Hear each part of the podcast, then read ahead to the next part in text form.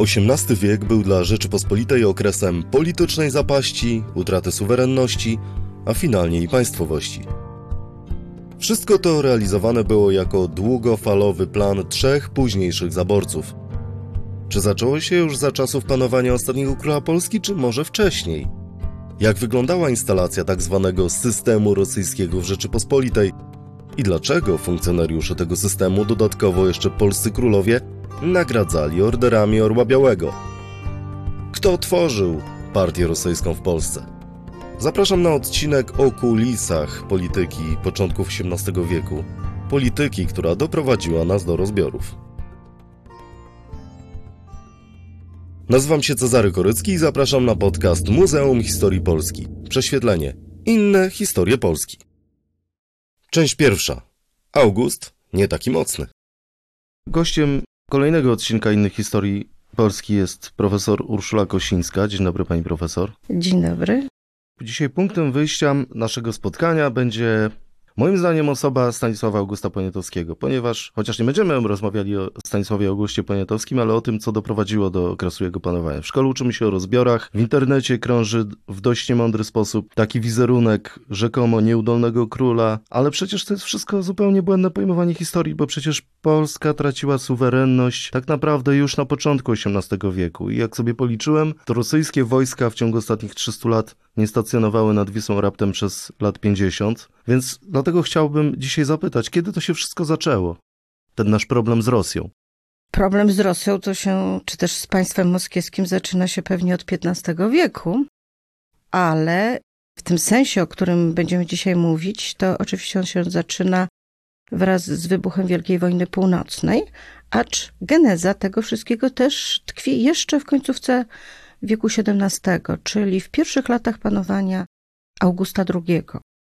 Pomimo wcześniejszych y, trudnych stosunków polsko-rosyjskich i wielu wojen, które toczyliśmy z państwem moskiewskim w wieku XVI-XVII, jeszcze w końcówce wieku XVII można by było powiedzieć, że mieliśmy do czynienia z państwami, które Mm, miały siły, nie powiem czy równoważne, raz jedno było silniejsze, raz drugie, ale na pewno były to dwa państwa całkowicie suwerenne. Panowanie Augusta II zmienia tutaj bardzo stan rzeczy, ponieważ Rzeczpospolita e, wchodzi wskutek decyzji podjętych przez polskiego króla, e, wchodzi w bardzo dziwny, nieakceptowany przez większość Polaków sojusz z Rosją, wo wojnę ze Szwecją, która w zamysłach króla miała być chyba wojną lekko, łatwą i przyjemną,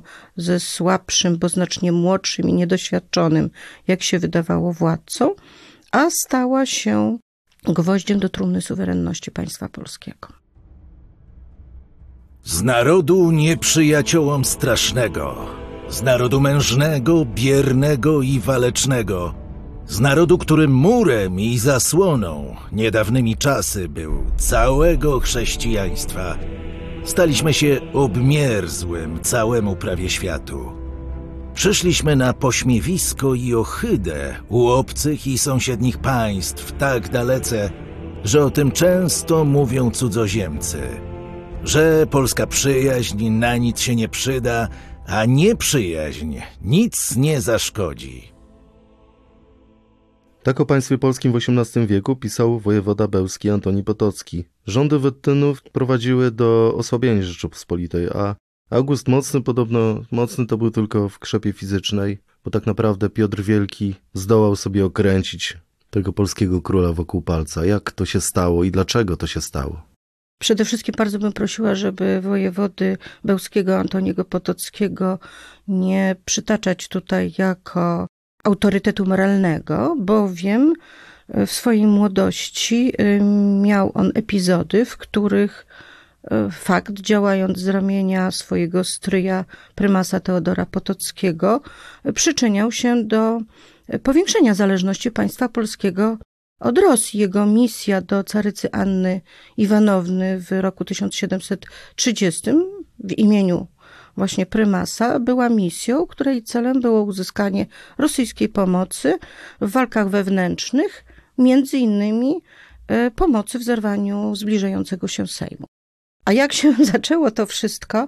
Wydaje mi się, że można, e, że należy sięgnąć do roku 1698, kiedy to w sierpniu w Rawie Ruskiej doszło do bardzo znanego w historii, ale nie znanego, jeśli chodzi o szczegóły przebiegu spotkania Augusta II z carem Piotrem I, powracającym właśnie z jego e, wielkiej podróży na zachód. E, obaj władcy dużo pili, dużo rozmawiali, wymienili się nawet e, swoimi szóstokorami, czy też dzisiaj byśmy powiedzieli koszulkami, i na pewno zawarli jakiś rodzaj osobistego przymierza niespisanego na papierze. Wiele pośrednich świadectw źródłowych mówi nam, że już wówczas padł pomysł wspólnej wojny przeciwko Szwecji, ale także mamy świadectwa, że August II już wcześniej prosił Piotra, nagabywał go o to, by wspomógł go w walce z własnymi nowymi polskimi poddanymi. To specyficzne przymierze antyszwedzkie zostało sformalizowane w roku 1699 w postaci traktatu preobrażeńskiego pomiędzy Augustem II jako elektorem saskim i carem Piotrem I, w zasadzie poza wiedzą polskiego społeczeństwa.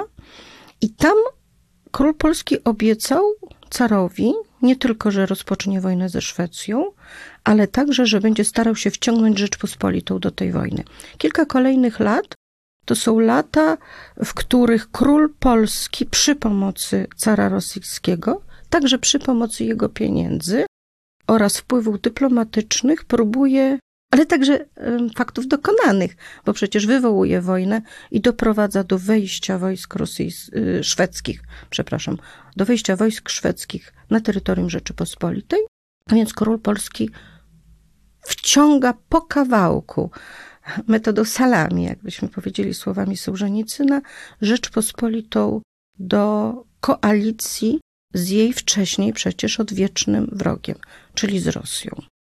Konsekwencją tego wszystkiego jest podpisanie w 1704 roku tak zwanego traktatu nerewskiego już w imieniu Rzeczypospolitej, którego efektem jest wprowadzenie w początkach 1705 roku wojsk rosyjskich na terytorium Rzeczypospolitej do jej centrum jako wojsk sojuszniczych. Bardzo szybko okazało się, że te sojusznicze wojska były bardziej uciążliwe i bardziej niszczące niż niejednokrotnie wrogie wojska szwedzkie. W audycji z cyklu Inne Historie Polski nie dość, że mamy, mam zaszczyt rozmawiać z wybitnymi polskimi historykami, ale zawsze szukamy jakiegoś źródła pewnych procesów, czy ciągłości pewnych procesów. I tutaj oczywiście możemy rozmawiać o sprawach politycznych, o sprawach osobowościowych, o sprawach decyzji y, tamtejszej geopolityki, ale czy były jakieś procesy społeczne czy ekonomiczne, które mogły w jakiś mogą w jakiś sposób tłumaczyć to, w jakim opłakanym stanie w pierwszych dekadach się znalazła Rzeczypospolita obojga narodów? Niektórzy historycy szukają źródeł tych procesów już w wieku XVII, w narastającej y, oligarchizacji polskiego życia politycznego, skłóceniu polskiego społeczeństwa, osłabieniu i tak przecież ograniczonej w państwie republikańskim władzy królów, ale też autorytetu tychże, tychże królów, w mm, ciągłych walkach wewnętrznych. Ostatnie lata panowania Jana III Sobieskiego nie były korzystne dla Rzeczypospolitej. Zwycięstwo wiedeńskie w jakiś sposób zostało zdyskontowane no, utraciliśmy jak gdyby na arenie międzynarodowej szansę wyciągnięcia dużych korzyści z tego zwycięstwa, a wewnątrz kraju chyba raczej ono pogłębiło rozbicie. Końcówka panowania y, Jana III to jest przecież narastający konflikt na terenie Wielkiego Księstwa Litewskiego pomiędzy rodziną Sapiechów a innymi rodami, i magnackimi, i rodzinami średnioszlacheckimi, które były przez nie w jakiś sposób marginalizowane. Więc jest to tak zwana walka republikantów litewskich z sapiechami. Ta wojna toczy się w początkach panowania Augusta II, a potem ma znaczące przełożenie też na to, co się dzieje w Polsce w momencie, kiedy wybucha wojna ze Szwecją, prawda? To rozbicie społeczeństwa pogłębia się, ale też osobiste decyzje władcy. Wydaje mi się, to trzeba niestety podkreślić i to wykazały badania Jacka Burdowicza-Nowickiego, który przebadał źródłowo w oparciu o archiwalia i rosyjskie, i pruskie, i saskie. Te pierwsze lata one pokazują, w jak wielkim stopniu nowy król polski działał wbrew polskiemu społeczeństwu i jak bardzo poprzez własne decyzje zacieśniał on związki z Rosją, e, na co nie było zgody, ale właśnie drogą faktów dokonanych i taką polityką wciągania Rzeczpospolitej plasterek po plasterku do tej wojny osiągnął swój sukces, e, swój cel, przynajmniej tak mu się na początku wydawało. Ostatecznie efekty tej polityki były także dla niego katastrofalne, bo doprowadziły do y, detronizacji, a ostatecznie także do tego, że on musiał w roku 1706 abdykować y, z tronu polskiego z powodu zagrożenia Saksonii przez wojska szwedzkie. To sprawiło, że Rzeczpospolita, która mm, do tego momentu jednak kontaktowała się z carem rosyjskim w dużym stopniu za pośrednictwem króla, zaczęła, straciła ten element który jest jednak reprezentacją władzy suwerennej i otworzyło to carowi drogę do bezpośrednich kontaktów z panami polskimi, już poza plecami króla, który abdykował, prawda? Kontaktów z hetmanami, kontaktów z najważniejszymi urzędnikami, ale także z mm, przedstawicielami innych rodzin. Od roku 1705, a już na większym stopniu od właśnie abdykacji w 1706, Rosja mogła rządzić się w Polsce, wykorzystując y, własny wpływ dyplomatyczny oraz oczywiście obecność wojska. I nawet po restauracji Augusta II, po bitwie połtawskiej, restauracji z łaski rosyjskiej, to wojsko rosyjskie z bardzo niewielką przerwą stacjonowało do początków roku 1719, mogąc kontrolować kraj. I ta kontrola odbywała się na kilku płaszczyznach. Pierwsza, podstawowa, najbardziej widoczna, czyli obecność wojska. Wykorzystywanie państwa polskiego jako teren tak zwanej pasywnej dywersji, czyli de facto teren, który ulega zniszczeniu przez wojska szwedzkie, ale także przez stacjonujące i walczące ze Szwedami e, wojska rosyjskie, wojska polskie czy konfederatów polskich, rozbitych w swoich opcjach politycznych pomiędzy, pomiędzy Rosjanami i Szwedami, pomiędzy Augustem II i Leszczyńskim.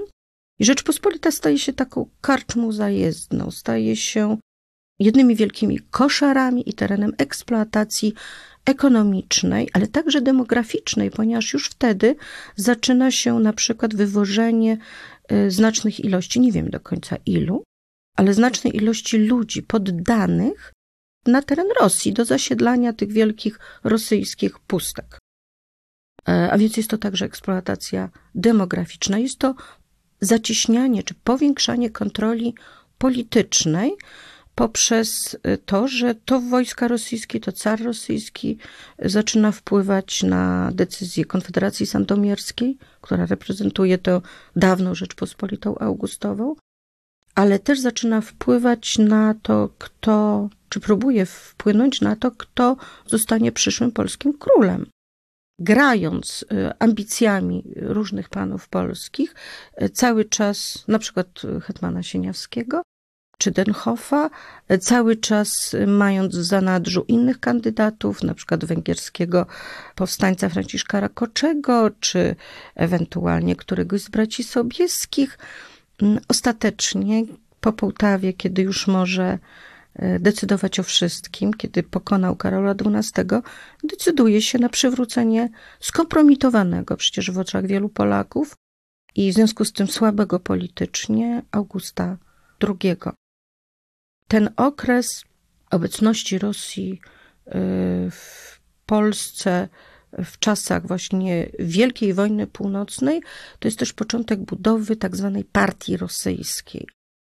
ludzi, którzy chcąc, nie chcąc, czasami ze własnych przekonań, a czasami w przekonaniu, że innej możliwości nie ma, będą popierali i reprezentowali interesy rosyjskie, czy też wykonywali dyrektywy cara rosyjskiego, jego e, dowódców wojskowych. Ten proces budowy partii rosyjskiej nie jest procesem liniowym. On ma takie momenty, w których dochodzi czasami do zachwiania, do odejścia części ludzi, którzy wydawali się już pozyskani. E, I coś ciekawym, pewnie jeszcze o tym będziemy mówić, pieniądze nie odgrywają tutaj największej roli. Często się mówi o jurgieltach, o przekupstwie. Owszem, takie rzeczy się zdarzają i tutaj car pewne kwoty wyasygnował na przekopywanie panów polskich. Zresztą na początku, czyli jeszcze przed traktatem naryskim, to się dzieje za wiedzą króla polskiego, ale znacznie większą rolę odgrywają um, argumenty innej natury. Obietnice łask, często zresztą nierealizowalne, obietnice poparcia w staraniach o urzędy, groźby zniszczenia dóbr, czyli nałożenia kontrybucji, wysłania oddziałów pacyfikacyjnych rosyjskich, bądź też obietnice tak zwanych libertacji, a więc zwolnienia z tych obciążeń. To jest y, narzędzie, którym dyplomacja rosyjska włada świetnie, potrafiąc mm, przez wiele lat mamić różnych ludzi z najwyższych elit politycznych Rzeczypospolitej obietnicami, często ich zresztą nie realizując, ale zacieśniając w ten sposób pewną pętlę na szyi, wiążąc z całym systemem zobowiązań, z których potem bardzo trudno jest się wywikłać. Ten system budowania partii rosyjskiej jest kontynuowany także w okresie późniejszym, który już, kiedy już wojsk rosyjskich na terenie Rzeczypospolitej nie ma. Jakie są jeszcze najważniejsze cezury tego okresu, pierwszych dekad XVIII wieku, o których powinniśmy pamiętać, które miały znaczenie, jeśli chodzi o naszą utratę suwerenności? Ja wiem, że polemizuje pani profesor na przykład z tym, że Sejm Niemy jakoby był taką ważną cezurą i z tym, jak, w jaki sposób wykreowana jego, została jego czarna legenda, ale też pozycja w podręcznikach szkolnych. Od razu zaprzeczę, Sejm Niemy był ważną cezurą, ale w pewnym względzie. Za chwileczkę to wyjaśnię. Zacznijmy od początku. Moim zdaniem początek panowania Augusta do roku 1704, czyli do traktatu naryskiego, to jest okres, kiedy y, już tworzą się podstawy tego nieszczęsnego sojuszu, y, najpierw osobistego sojuszu króla z carem i kiedy on otwiera rzecz Rosji wrota do Rzeczypospolitej, ale głównie jest to, dzieje się to przez kontakty dyplomatyczne i za pośrednictwem króla. Kolejny etap y, po traktacie narewskim kiedy wojska rosyjskie wchodzą do Rzeczypospolitej i zaczynają się możliwości działania bezpośredniego wobec Polaków i panów polskich. To jest ten okres między 1705 a 6 rokiem, prawda? Szósty to jest abdykacja pod Altranstadt i do roku, do początku 1719 roku, kiedy kontrola nad Rzeczą Pospolitą jest utrzymywana i pogłębiana, poprzez fakt obe stałej obecności wojsk rosyjskich w Polsce. I gdzieś wcześniej mamy tę cezurę roku 1717, czyli Sejm Niemy, który pod względem metod sprawowania kontroli na, nad Rzeczą przez Rosję nie zmienia niczego. Ale on przynosi ważną y, zmianę. Fakt, iż car rosyjski poprzez swego przedstawiciela jest mediatorem w kontaktach pomiędzy panami polskimi a ich królem. Podpis tego negocjatora pod traktatem, który kończy okres Konfederacji Tarnogrodzkiej, został w historiografii, ale też w interpretacjach politycznych już współczesnych rosyjskich przemodelowany i ukazany nie jako mediacja, ale jako gwarancja. Nie wiemy do końca dlaczego w świadomości panów polskich, czy też polskich elit, ta gwarancja w pewnym momencie została przyjęta, to słowo zostało przyjęte y, jako fakt, Pod koniec panowania Augusta II Stanisław Konarski w swoim takim dialogu, um, rozmowa szlachcica z ziemianinem o teraźniejszych okolicznościach, a potem w kolejnym tekście Epistole familiares subtempus interregi, czyli listy poufne czasu bezkrólewia, musiał przedstawiać argumenty na to, że nie ma mowy o żadnej gwarancji, że mediacji, pośrednictwa w rokowaniach traktatowych z roku 1716 zatwierdzonych w XVII nie można uznać za gwarancję. Ale w późniejszych dziejach Rzeczypospolitej ta gwarancja, problem gwarancji rosyjskiej odgrywa bardzo istotną rolę już w czasach Stanisława Augusta, prawda? I niestety mamy świadectwa, że to pojęcie właśnie w kontekście roku XVII pojawia się. Ono się pojawia na przykład w latach 50. XVIII wieku i ono wypływa z ust nie tylko rosyjskich, ale także przyjmują je i utrzymują, myślę, że całkowicie instrumentalnie, y, niektóre polskie czołowe rodziny. Na tym polega, wydaje mi się, znaczenie roku XVII. On jest też rokiem w jakiś sposób symbolicznym. Ale w samym roku 17 nikt sobie nie zdawał sprawy z tego, że to będzie, że to będzie tak przełomowe, bowiem wkrótce potem, w latach 1718-20, August II podjął próbę wyzwolenia się z zależności politycznej, dyplomatycznej, też wojskowej od Rosji, zawierając układ z cesarzem austriackim oraz królem angielskim, Jerzym I, Dzisiaj byśmy powiedzieli, że to była próba zawarcia takiego układu o mm, zbiorowego bezpieczeństwa. Tam miały wejść też inne państwa, proponowano i Prusom, i Szwecji, różnym krajom niemieckim. Można by było powiedzieć takie, nie wiem, takie NATO XVIII-wieczne by powstało, co spowodowało niesamowitą kontra, kontrakcję dyplomacji rosyjskiej i cara Piotra I, który nie mógł pozwolić na to, aby Rzeczpospolita ratyfikowała ten traktat. Więc te lata 18-20 to jest właśnie walka o to, by nie dopuścić Rzeczpospolitą do wyjścia z izolacji politycznej. E, właśnie wtedy my mamy świadectwa o pierwszych próbach ingerowania na przykład w przebieg Sejmów, e, próby zerwania Sejmu przez roku 1718 przez dyplomację rosyjską. Ta pierwsza była nieudana, ale kolejne trzy Y, już tak. Część druga. Życzliwa przyjaźń ambasadorów.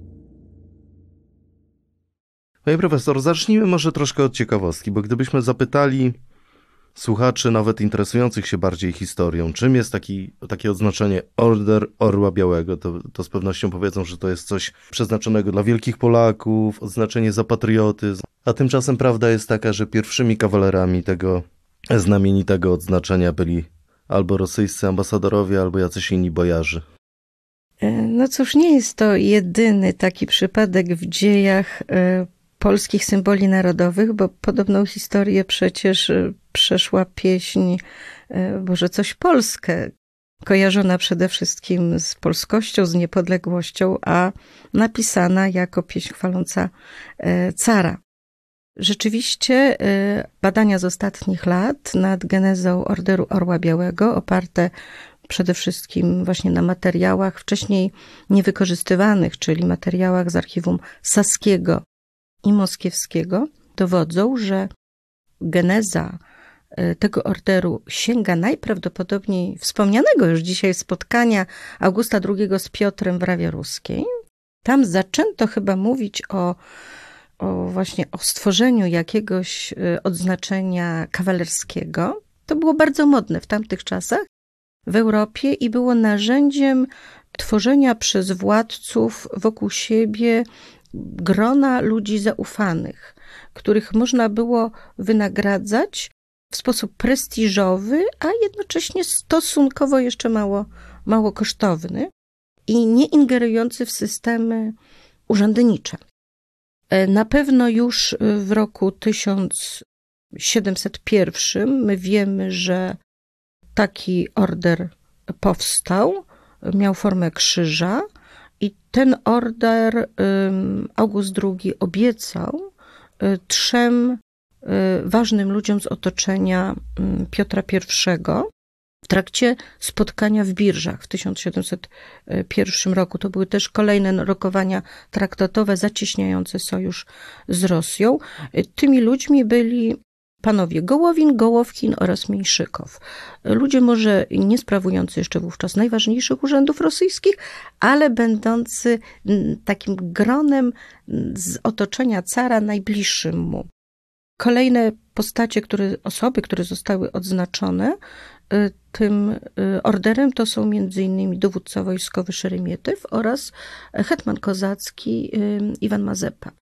I dopiero w roku 1705 ten order został, zaczął być wykonywany w większej ilości egzemplarzy i mm, z przeznaczeniem na to, by nagradzać tym orderem ludzi, odznaczających się w Konfederacji Sandomierskiej, czyli tej konfederacji, która e, w czasie Wielkiej Wojny Północnej i tego wielkiego rozbicia wewnętrznego od Sasa do Lasa miała wspierać, e, miała wspierać Augusta II.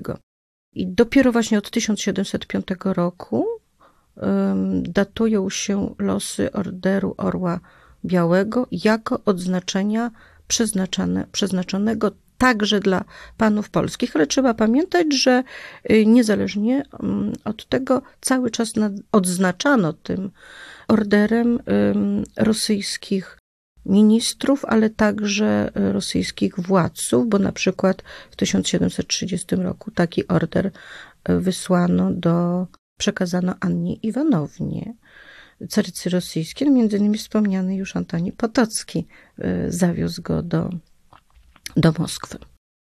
Jaki był zasadniczy pomysł tego, jak dwugłowy orzeł chciał zniewolić i dopaść swoimi szponami orła i pogoń? Jaki był pomysł Rosji na Polskę w pierwszych dekadach XVIII y, wieku i dlaczego to się działo? Czy to ta Rosja była taką ośmiornicą, takim imperium, które po prostu w naturalny sposób próbowało zniewolić wszystkie sąsiadujące państwa słabsze od siebie? Jakie były zasady tego systemu rosyjskiego, bo jest takie pojęcie system rosyjski w Polsce w XVIII wieku? Tak, oczywiście. Na początku chyba nie było jednego pomysłu. On się po prostu rozwijał w miarę tego, jak Rzeczpospolita słabła i otwierały się kolejne płaszczyzny, y, na których można było y, na nią wpływać. Y, wydaje się, że na początku przede wszystkim chodziło o o to, by nie wzmacniać nadmiernie króla, żeby utrzymywać stan pewnego rozbicia politycznego, wykorzystać Rzeczpospolitą właśnie jako teren biernej dywersji w wojnie ze Szwecją, żeby Rzeczpospolita związała siły szwedzkie, dając Rosji szansę na spokojne pozyskanie tego, co było pierwotnym celem wojny, czyli Infland i całego pobrzeża bałtyckiego, czyli tam Ingria, Estonia, Y, i Karelia. Y, z czasem okazało się, że te możliwości są znacznie większe, prawda? Czyli, że można wykorzystywać Rzeczpospolitą w większym stopniu ekonomicznie, można ją wykorzystywać demograficznie, czyli porywać ludzi. To wykorzystywanie ekonomiczne to jest na przykład przeprowadzanie pod konwojami rosyjskimi karawan kupieckich, które w związku z tym nie płaciły cła należnego Rzeczypospolitej. Z czasem okazało się, że skoro można wpłynąć na wybór władcy, e, Rosja stworzyła nawet pewien mit, wykorzystując tu niestety pewne działania wcześniejsze Augusta II, mit e, królotwórcy. To znaczy, ten mit polegał na tym, że zaczęła głosić, iż już w roku 1697 przyczyniła się do osadzenia Augusta II na polskim tronie, co, było, co jest bzdurą ale potem y, w roku 1709 przywróciła go, czyli uczyniła go królem jakoby po raz drugi i znowu w roku 1717, czyli po Konfederacji Tarnogrodzkiej, kiedy no, jednak nad królewskością, nad tronem Augusta w jakiś sposób wisiał po raz kolejny miecz Damoklesa. Piotr I mówić miał, Y, wtedy, kiedy August próbował się wyzwolić z tej zależności, mówić miał: Uczyniłem go trzy razy królem, w związku z tym mogę go y, zrzucić z tego tronu. I dokumentacja, jaką udało się znaleźć w archiwach rosyjskich, wskazuje, że rzeczywiście rozważano taką możliwość, na przykład w roku 1719. Kolejne elementy systemu rosyjskiego to jest właśnie budowanie partii rosyjskiej, czyli wszechstronne uzależnianie panów polskich, e, ubezwłasnowolnianie ich, e, a jednocześnie podsycanie właśnie wewnętrznych. Podstawowe zasady tego systemu zostały y, spisane już po śmierci Piotra Wielkiego w początkach 1725 roku, kiedy rozpoczyna się panowanie y, żony Piotra, czyli Katarzyny I. Wicekanclerz Andrzej Iwanowicz Osterman, człowiek ze szkoły Piotrowej, który za Katarzyny objął de facto czołową rolę jako kierownik polityki zagranicznej i utrzymał ją do roku 1740, spisał memoriał w dwóch częściach. Jedna część pod tytułem Generalne jest состояние dzieł, to jest memoriał, który opisuje po prostu stan spraw w Europie. Kwestie polskie opisane są tam w sposób marginalny, bowiem sprawie polskiej został poświęcony odrębny załącznik, który udało się odnaleźć stosunkowo niedawno, w 2012 roku. On zawiera podstawowe wskazówki, zasady, w zasadzie zasady postępowania z Rzeczą Pospolitą już w dużym stopniu wypraktykowane w latach poprzednich. O co chodzi?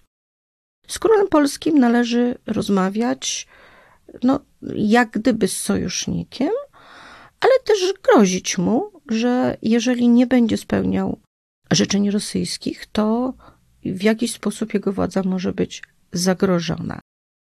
Królowi prywatnie należy mówić o tym, iż Rosja jest gotowa poprzeć jego starania o wprowadzenie sukcesji tronu w Polsce, czyli o przedłużenie panowania dynastii wetyńskiej. Królowi z ministrami należy mówić o możliwości odnowienia na nowych zasadach sojuszu z Rosją. Panom polskim, czyli bez króla, należy mówić o tym, że król ciągle czyha na ich prawa i przywileje, myśli o tym, by stać się władcą absolutnym. Czyli chodzi tutaj po prostu o ciągłe sianie dyfidencji intermajestatem ac libertatem między władzą a wolnością. Jeżeli coś się będzie działo w trakcie sejmów, co mogłoby zaszkodzić Rosji, należy te sejmy zerwać. A Rosja już tu miała doświadczenia z kilku poprzednich sejmów, jak to się robi. Ciekawe jest to, co Osterman e, pisze o postępowaniu na arenie międzynarodowej.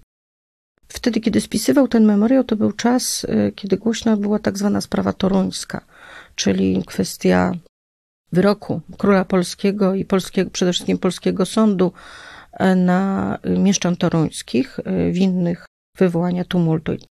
Ta sprawa w myśli mm, rosyjskiego stratega, jakim był niewątpliwie Osterman, ma być narzędziem do rozpowszechnienia w Europie negatywnej opinii o Rzeczypospolitej, podburzania innych państw europejskich ale w takim stopniu, w taki sposób, aby one nie wywołały wojny, tylko by groziły wojną z Rzeczą Pospolitą i by nakłonić te państwa do przyjęcia mediacji rosyjskiej w tym konflikcie między Rzeczą Pospolitą a państwami e, Zachodu. Widać tu wyraźnie, iż Rosja już widzi siebie właśnie jako, jako ten czynnik, który decyduje, będzie decydował o o sprawach Rzeczypospolitej i reprezentował, trudno powiedzieć, że jej interesy, ale będzie ją w jakiś sposób reprezentował wobec innych państw europejskich.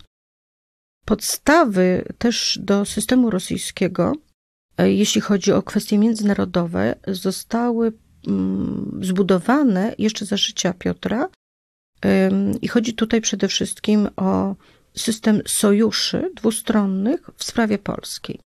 Najważniejszym z nich jest umowa z Berlinem, czyli z państwem pruskim, tak zwana deklaracja poczdamska z lutego 1720 roku, której zapisy zostały rozwinięte w formie już traktatowej, czyli traktatu sojuszniczego, po śmierci Piotra I za panowania Katarzyny I w roku 1726. O co chodziło w tych umowach? O to, by Rzeczpospolitą utrzymać in statu quo, czyli taką, jaką jest, w jej stanie słabości, bez siły i ustrojowej, i wojskowej, i politycznej, by utrzymać ją w izolacji politycznej na terenie Europy, czyli nie dopuszczać do podpisywania przez Rzeczpospolitą traktatów y, poza plecami rosyjskimi. By nie dopuścić do sukcesji tronu w Polsce w żaden sposób, to znaczy nawet do elekcji Vivente Rege, by utrzymywać kontakty z panami polskimi, w razie potrzeby zrywać sejmy oraz utrzymywać kontakty dyplomatyczne i współpracę dyplomatyczną z Berlinem, właśnie w tym dziele, nazwanym przez jednego z historyków niemieckich, Klausa Cernaka, Negative Polenspolitik, czyli negatywna polityka wobec Polski. Jak powiedziałam, deklaracja poczdamska z roku 20 została przekształcona w traktat w 26 roku. Tam znalazła się jeszcze nawet dodatkowa klauzura o tym, że przyszłym królem polskim powinien być jakiś piast, czyli Polak, a więc ktoś, kto nie ma umocowania dynastycznego w Europie, czyli jest człowiekiem słabym. I potem to było odnawiane z niewielkimi zmianami w latach 1729, 30, 40, 43, 64, a więc y, ta współpraca miała długą, długą tradycję. Y, do tego doszły później jeszcze inne traktaty, na przykład traktat ze Szwecją z roku 1721, traktat nysztacki, który nie była bezpośrednio włączona Rzeczpospolita. To był traktat, który kończył wojnę północną, a zawierał klauzurę, iż przyszły traktat pokojowy Polski ze Szwecją może być zawarty tylko za mediacją rosyjską. Potem Rosja robiła wszystko, by tego traktatu Rzeczpospolita nie mogła zawrzeć, by pozostała w takim zawieszeniu. Stąd zresztą później powstał mit, iż wojny między Polską a Szwecją nie było, bo poprzez ten mit próbowano odejść te e, klauzule traktatowe. Kolejny układ rosyjsko-austriacki, tak zwany traktat dworów cesarskich, sojusz, wielki sojusz, trwający naprawdę bardzo długo, w którym y, zapisy Rzeczypospolitej były bardzo lakoniczne, ale znaczenie tego traktatu dla Rzeczypospolitej było gigantyczne, ponieważ tam państwa obiecywały sobie w razie problemów wsparcie znaczącym 30-tysięcznym korpusem wojskowym. I kontrola nad Rzecząpospolitą była tutaj niezbędna, bo te wojska musiałyby w jakiś sposób przechodzić przez państwo polskie. Trzeba było więc zapewnić sobie to, iż Rzeczpospolita w żaden sposób nie powie nie. No i wreszcie rok 1732, końcówka panowania Augusta II, gdy już wiadomo było, że zbliża się kolejne bezkrólewie, trójstronny układ, tak zwany traktat trzech czarnych orłów pomiędzy Rosją, Prusami, Austrią, dotyczący y, osadzenia, wspólnego osadzenia na polskim tronie, wspólnego kandydata, który będzie reprezentował interesy trzech państw, y, tak zwanych dążących do pokoju stron. I w tym traktacie były wyraźne zapisy, które wskazywały, iż te państwa gotowe są realizować ów postulat przy pomocy wojska, że gotowe są wprowadzić wojska, czyli rozpoczynać wojnę. Przeznaczają też na to specjalną kwotę znaczącą i wyznaczają kandydata. Był, z nim, był nim książę portugalski Emanuel de Bragauza, mało znaczący, zależny głównie od cesarza, książę bez ziemi, dzisiaj byśmy tak powiedzieli, ale od razu zaznaczono, że jeżeli on będzie niewybieralny, to dogadujące się strony wybiorą kogoś innego. I wbrew temu, co w wielu miejscach, także w Wikipedii można znaleźć, kolejny Wettyn wcale nie był wykluczony. E, wykluczony był tylko Stanisław Leszczyński, popierany przez zbyt potężnego, rywalizującego i z Austrią, i z Rosją e, władcę, czyli przez króla Francji. Ten traktat, co prawda, nie był pełni ratyfikowany, to znaczy ratyfikacji nigdy nie wymieniono. Rosja ratyfikowała go, ale ratyfikacji nie wymieniono. E, ostatecznie z tego układu wystąpiły Prusy. Cały czas trwają badania, dlaczego one zrobiły. Na pewno nie były oszukane, wbrew temu, co też możemy znaleźć w wielu opracowaniach, ale traktat Lewenwolda, czyli traktat Trzech Czarnych Orłów, stał się podstawą do umów, które podpisywała Rosja, Austria z elektorem saskim w roku już 1733 i które to umowy otworzyły Wettynowi drogę do polskiego tronu, ale to już była droga w całości kontrolowana przez Rosję. Do Prus jeszcze wrócimy za chwilkę, ale jeszcze zostaniemy przy Rosji, która jak pani profesor sama powiedziała, zawsze dążyła do pokoju. Dzisiaj też dąży do pokoju. Myślę, że rosyjski ambasador nie jest tutaj naszym faworytem w czasach dzisiejszych również, bo jest taki rosyjski ambasador w Warszawie, ale takich ambasadorów w Warszawie to mieliśmy także w XVIII wieku, więc zapytam o arkana dyplomacji. Jak to jest możliwe, że dyplomaci rosyjscy tutaj, mówiąc kolokwialnie, się e, panoszyli i załatwiali tak wiele spraw? Jak realizowano e, tą politykę nad Wisłą i czym był Jurgielt? E, jak to się stało, że ci ambasadorowie się panoszyli? Wydaje mi się, że po pierwsze nie powinniśmy bagatelizować umiejętności prowadzenia dyplomacji przez pokolenia rosyjskich przedstawicieli w Polsce. Nawet jeżeli uznajemy, że w XVI czy XVII wieku Rosja to było państwo pod względem kulturalnym, no w porównaniu z Rzecząpospolitą mocno zacofane, sposoby prowadzenia dyplomacji były tam bardzo dobrze rozwinięte. Rosja też bardzo szybko rozwinęła taką umiejętność analizy, przeprowadzenia analizy psychologicznej, tworzenia wręcz portretów psychologicznych ludzi, z którymi miała do czynienia. I w czasach Piotra I na placówce dyplomatycznej w Polsce pojawiło się kilka osób naprawdę wybitnych. Jedną z nich był Grigorij Fiodorowicz Dołgoruki. Człowiek, jako młody człowiek wysłany na zachód Europy, by się uczył fachu marynarskiego, ale ostatecznie, oczywiście był wojskowym też, e, ale ostatecznie został dyplomatą. Od roku 1700 e, chyba pierwszego czy drugiego z niewielkimi przerwami do roku 1720 na polskiej placówce. Wiemy, że znał język polski. Jego synowie uczyli się zresztą w jezuickim kolegium w Warszawie. Mimo, że się wypierał tego, to ja wiem, że znał łacinę. Pamiętajmy też o tym, że w mm, dawnej Rzeczypospolitej y, znaczna część polskich panów nie miała problemów w porozumiewaniu się w języku ruskim. Język rosyjski był wówczas bardzo Y, jeszcze też zbliżony do tego, co my uznajemy teraz za, za język ukraiński. Te, te, różnice nie były, nie były takie, mm, takie wielkie. Jeszcze cały czas mieliśmy długą, mieliśmy tradycję prowadzenia przecież mm, części metryk, czyli metryki litewskiej mm, w języku ruskim, więc to nie były wielkie problemy, jeśli chodzi o komunikację, a więc możliwe były te bezpośrednie kontakty z panami polskimi. Grigorij Fiodorowicz Dołgoroki jest zresztą uznawany za jednego z twórców systemu rosyjskiego. Ale dyplomatami był też, byli jego stryjowie, później był także jego syn Siergiej. Mamy także innych, mniejszej rangi dyplomatów, którzy pełnią funkcję rezydentów, na przykład przy hetmanach w pewnych okresach. System właśnie stałych placówek dyplomatycznych, pisania relacji regularnych, otrzymywania reskryptów, stosowania szyfrów, znacznie bardziej rozwinięty niż to, co stosowano w Polsce. E, to już jest w dużym stopniu w czasach Piotra I dyplomacja o charakterze niemalże zawodowym.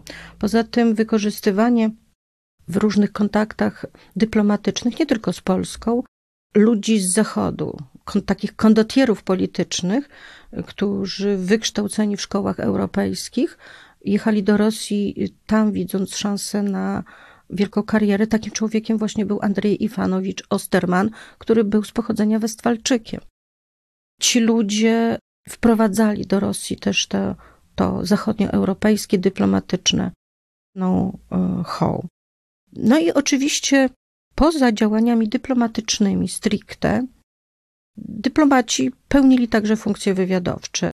W wieku XVIII te dwa elementy, biała dyplomacja, czy też ta otwarta dyplomacja, wywiad, agentura, one bardzo często są jeszcze ze sobą powiązane i oczywiście w momentach kluczowych dyplomata otrzymywał pewne kwoty.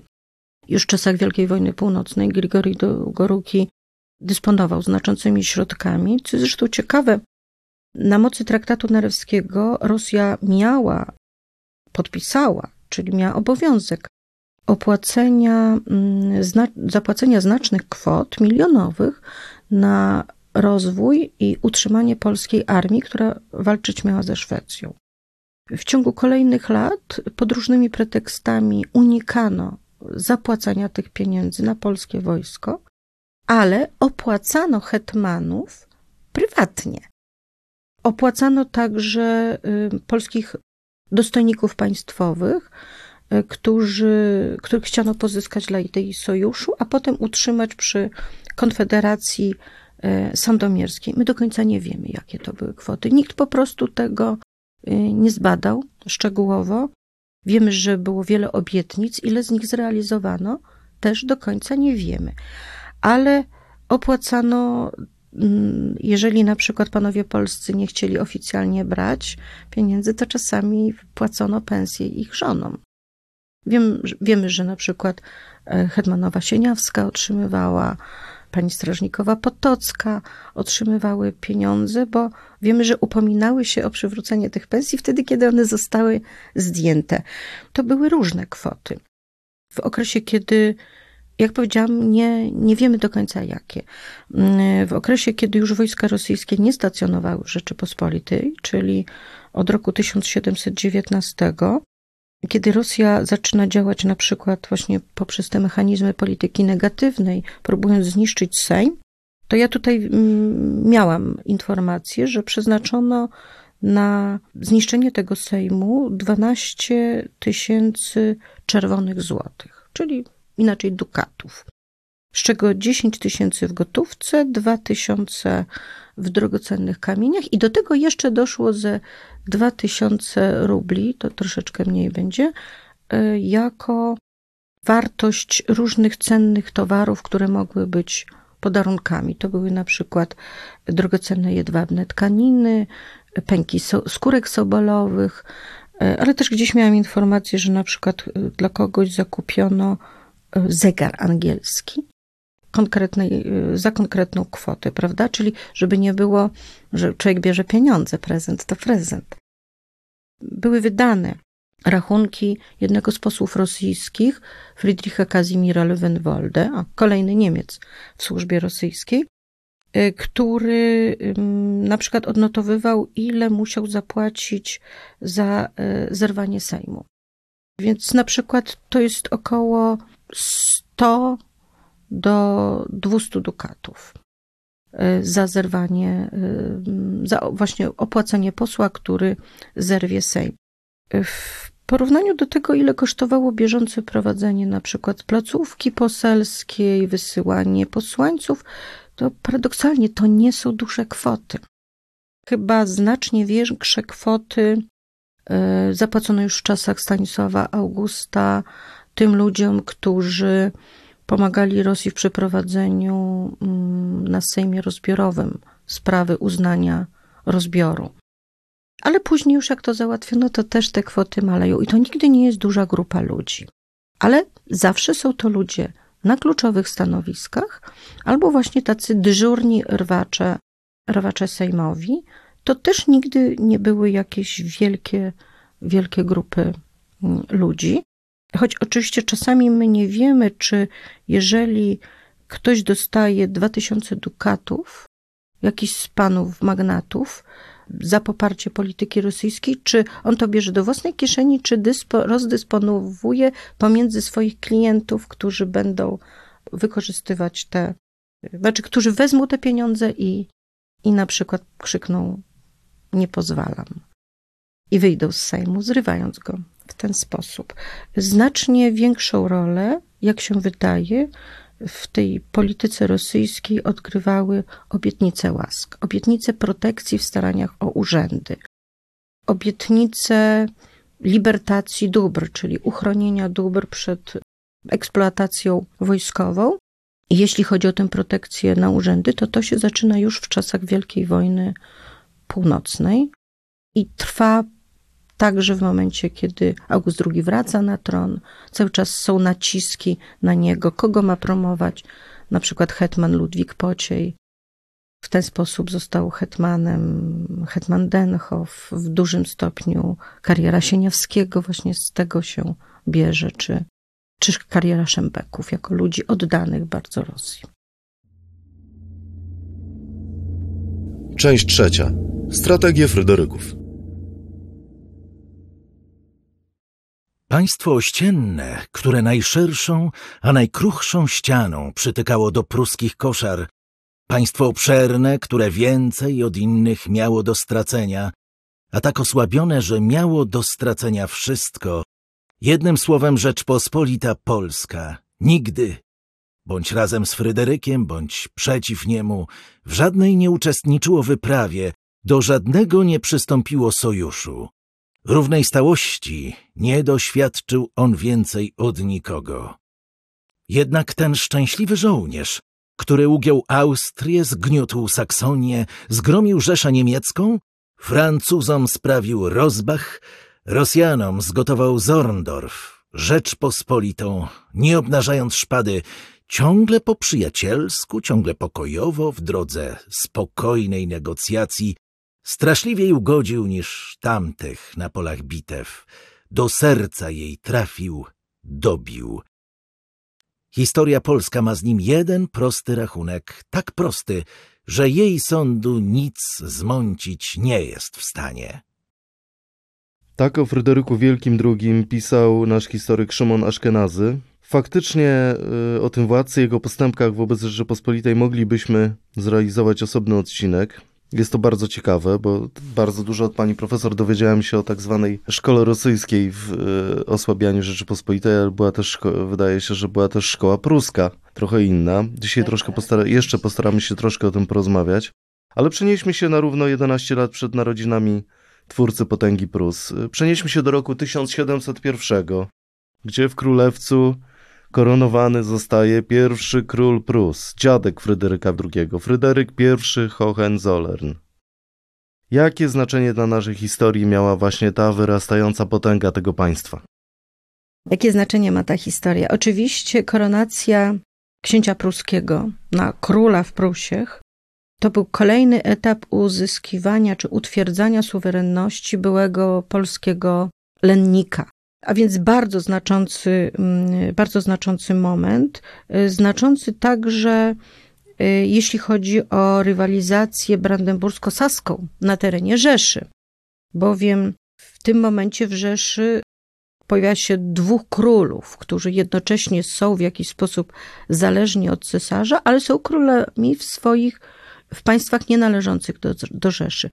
Czyli w roku 1697 Takim władcą zostaje August II, wcześniej elektor saski, oraz w 1701 takim władcą zostaje elektor brandenburski jako król w Prusiach.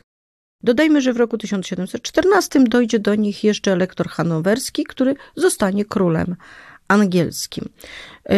W ten sposób jak gdyby staje się to podstawą do rywalizacji owych królów, elektorów na terenie Rzeszy o prymat.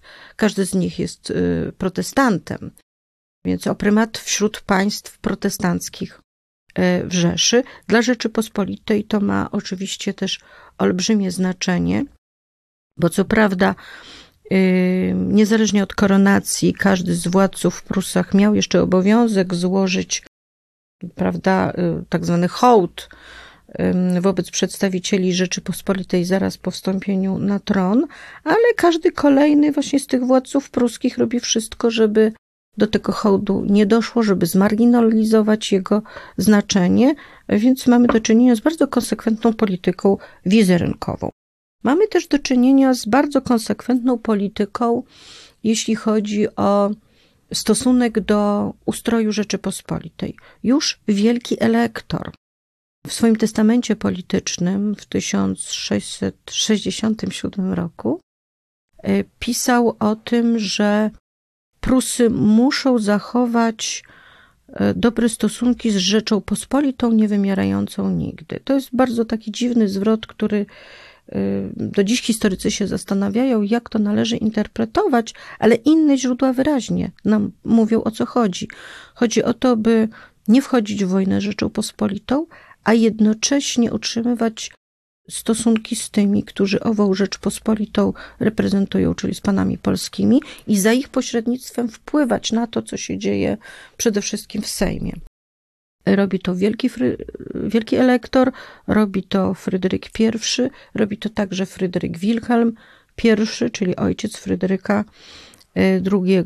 Oni nie wchodzą, w, unikają w ogóle wchodzenia wojny, jeśli jest to tylko możliwe, już zwłaszcza Fryderyk Wilhelm I, jednocześnie wzmacniając swoje państwo, rozbudowując armię.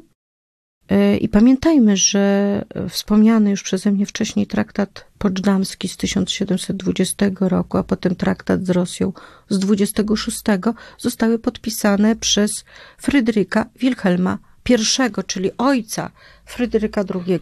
I co prawda my wszyscy wiemy, y, znamy tę historię o buncie Fryderyka, przyszłego wielkiego Fryderyka II, jeszcze jako młodzieńca, o próbie ucieczki, o uwięzieniu, o sądzie, o tych wielkich kłótniach między synem a ojcem, ale mamy świadectwo z roku 1731, Fryderyk chyba kończył wtedy 18 lat, czyli można by było powiedzieć, że to było takiego wypracowanie maturalne, gdzie on opisuje, jak sobie wyobraża e, przyszłą politykę Prus. I tam wyraźnie mamy informację o tym, że on ma ambicje rozbiorowe, że chce zagarnąć Pomorze, że marzy o Wielkopolsce, marzy o Śląsku, marzy o wielkich podbojach także, także w Rzeszy. W jego pracy, którą wydał tuż przed objęciem tronu, tak zwany antymakiawel, też mamy bardzo, kilka bardzo negatywnych y, opinii na temat Rzeczypospolitej, pełnych pogardy wobec jej słabości, y, także pełnych pogardy wobec y, Augusta II jako króla, który no, doprowadzał kraj, doprowadził kraj do, do właśnie takiej słabości. O dziwo Fryderyk II cenił Jana III jako zwycięzcę spod y, Wiednia.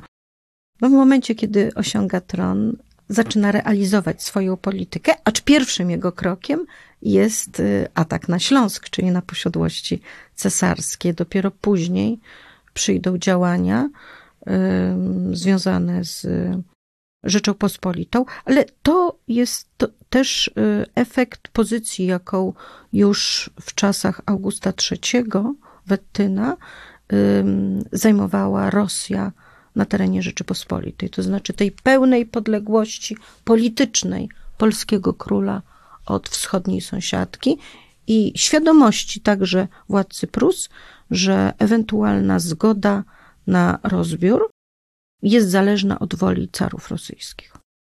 Zawsze mnie zastanawiało, jak to jest możliwe, że państwo o znacznie większych tradycjach militarnych, które w XVII, w XVI wieku toczyło tyle wojen, bo przecież e, Rzeczpospolita wojskiem i husarią stała i, i wydaje się, że tutaj byliśmy znacznie bardziej doświadczeni. I państwo tak duże, też jeśli chodzi o potencjał demograficzny, w pewnym momencie w XVIII wieku miało znacznie mniejszy potencjał militarny niż właśnie Prusy. Prusy były znacznie mniejszym państwem od Polski. Znacznie mniej licznym, mimo tego w pewnym momencie miały znacznie lepszą armię. Jak to jest możliwe? Wymieniłabym tu kilka czynników, choć być może nie są to wszystkie. Na pewno system republikański Rzeczypospolitej y, nie był systemem, który sprzyjałby rozbudowie, rozbudowie armii, ponieważ to zależało od woli, w jakiś sposób od woli społeczeństwa. W Prusach mamy system jednak władzy absolutnej, która wprowadza ustrój militarystyczny na terenie całego kraju. Ta wielka armia pruska, pamiętajmy, jest to w dużym stopniu armia no, permanentnych rezerwistów. Ci żołnierze większość swego czasu jednak spędzają po prostu uprawiając pola, pod nadzorem e, swoich dowódców wojskowych, którzy są jednocześnie ich panami feudalnymi, prawda, czyli też właścicielami okolicznych włości. To jest inny system zupełnie wojskowy. Kolejna kwestia to jest y, oczywiście niesamowite zniszczenie Rzeczypospolitej pod względem i gospodarczym, i demograficznym w czasie Wielkiej Wojny Północnej. My możemy to tylko szacować, czy też wykorzystywać opinie szacunkowe na temat tego, co się stało. Nikt tego do dzisiaj nie podliczył. O ile prowadzono takie badania w odniesieniu do strat y, z czasów Wielkiego Potopu, prawda? To dla Wielkiej Wojny Północnej szeroko zakrojonych badań w tej materii nie poprowadzono. Są tylko jakieś wycinkowe takie rzuty, case studies, natomiast y, badań sumarycznych nie mamy, więc my nie wiemy do końca, ile ludzi straciliśmy i jaki majątek straciliśmy w czasie Wielkiej Wojny Północnej, a na pewno to stało się podstawą do do tego, by w roku 1717 zredukować liczbę wojska y, do poziomu porcji 18 tysięcy w Koronie plus 6, plus 6 na Litwie, czyli 24 tysiące. Realnie oznaczało to, jak się wydaje, między 12 do 15 tysięcy żołnierzy. Ale warto pamiętać, że już y, rok później, czyli w 1718 roku, na Sejmie Polskim podniesiono kwestię aukcji wojska i, i podniesienie o, o kolejne tysiące, w związku z tym, że państwo się trochę odbudowywało.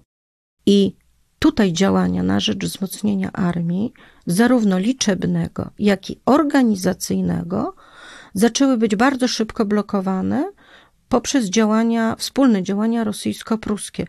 To jest między innymi efekt właśnie tej umowy poczdamskiej, o której ja mówiłam. W samym traktacie nie ma mowy o, o armii zbyt wiele, ale w projektach, które wcześniej były, takie klauzule się znajdowały. W związku z tym my wiemy, że tym właśnie te państwa były zainteresowane. I w związku z tym one są zainteresowane i działają na przykład na rzecz pogłębiania konfliktu tak zwanego konfliktu o komendę Fleminga, a potem konfliktu o rozdawnictwo buław. Mm, za wszelką cenę chcą uniemożliwić mianowanie hetmanem Stanisława Poniatowskiego, to jest ojciec przyszłego króla Stanisława Augusta, człowiek o wielkim doświadczeniu i dyplomatycznym, i wojskowym, i organizacyjnym. Więc robił wszystko, żeby Rosja i Prusy, żeby do tego nie dopuścić.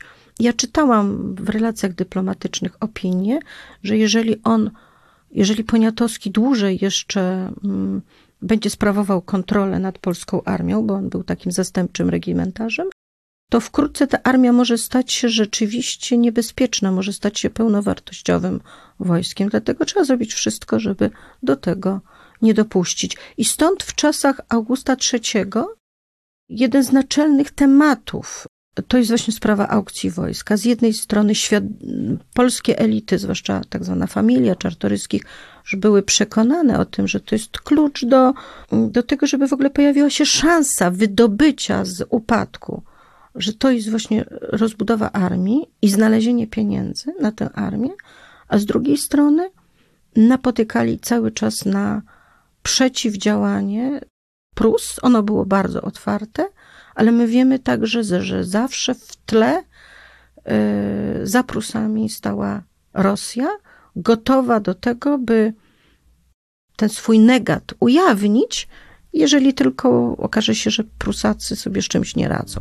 Ale z reguły sobie radzili. Metody zrywania sejmów, metody usiedlania polskiej magnaterii już w czasach Augusta III były bardzo dobrze opracowane i sprawdzone. Dziękuję pani profesor za wizytę i możliwość realizacji tej ciekawej rozmowy. Wszystkich państwa zapraszam do subskrypcji kanału Muzeum Historii Polski, dzięki temu nie przegapicie kolejnych odcinków. Zapraszam także do oglądania nowego cyklu, który pojawił się na kanale, a mianowicie serii Rzecz Historyczna doktora Michała Przeperskiego. Dziękuję i do usłyszenia. Cezary Korycki. Wysłuchaliście podcastu Muzeum Historii Polski Prześwietlenie. Inne historie Polski. Podcastu możecie posłuchać na YouTube, Spotify, Google Podcast, na Audiotece i w aplikacji Empik Go, a także na innych platformach podcastowych. Chcesz być na bieżąco? Subskrybuj kanał Muzeum Historii Polski.